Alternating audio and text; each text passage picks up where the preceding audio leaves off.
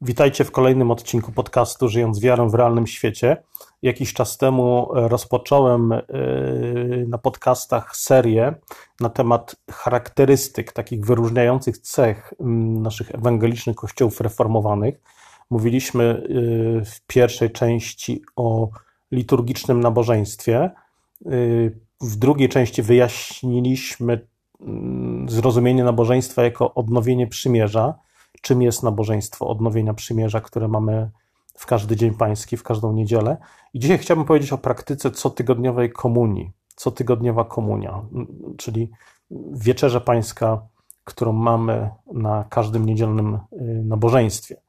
Praktyka cotygodniowej komunii wynika z naszego zrozumienia nabożeństwa jako odnowienia przymierza i naturalny kierunek nabożeństwa zmierza od wyznania grzechów do uświęcenia Y, i od uświęcenia dalej do komunii. Czyli chcemy przeżywać te etapy za każdym razem, kiedy wielbimy Pana Boga.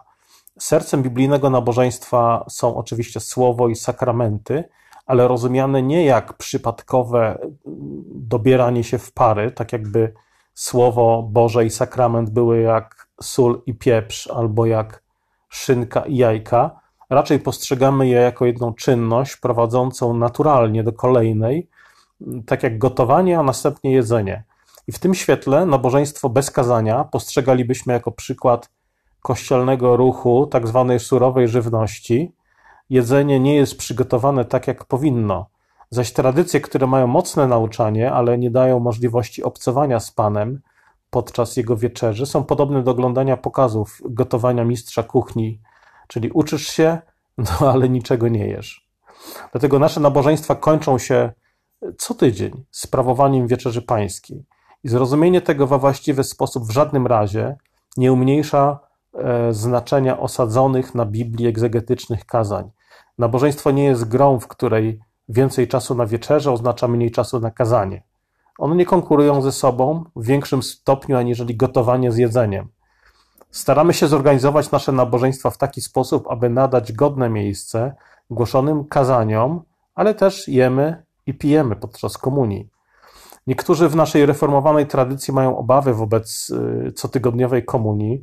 Y, mówię tutaj o kościołach y, prezbiteriańskich, czy właśnie kościoł, niektórych kościołach w denominacjach reformowanych. Mają obawy wobec tej praktyki cotygodniowej komunii, ponieważ jawi im się ona jako zbyt katolicka. Tymczasem w okresie reformacji to właśnie to właśnie reformatorzy naciskali na o wiele większą czy, czy, czy, czy, czy częst, częstszą komunię, y, większą częstotliwość, y, co udawało im się z różnym powodzeniem. Na przykład Jan Kalwin usilnie zachęcał do cotygodniowej komunii, no i w końcu jesteśmy w stanie dać jej należne miejsce i pójść za jego radą.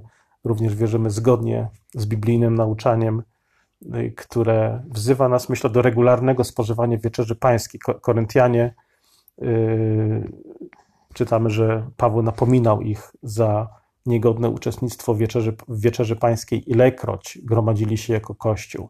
Jak wiemy, tym już dosyć wczesnochrześcijańskim zwyczajem były zgromadzenia kościoła w pierwszy dzień tygodnia, w niedzielę ze względu na zmartwychwstanie, więc komunia również była już we wczesnym kościele nieodłączną częścią każdego niedzielnego nabożeństwa.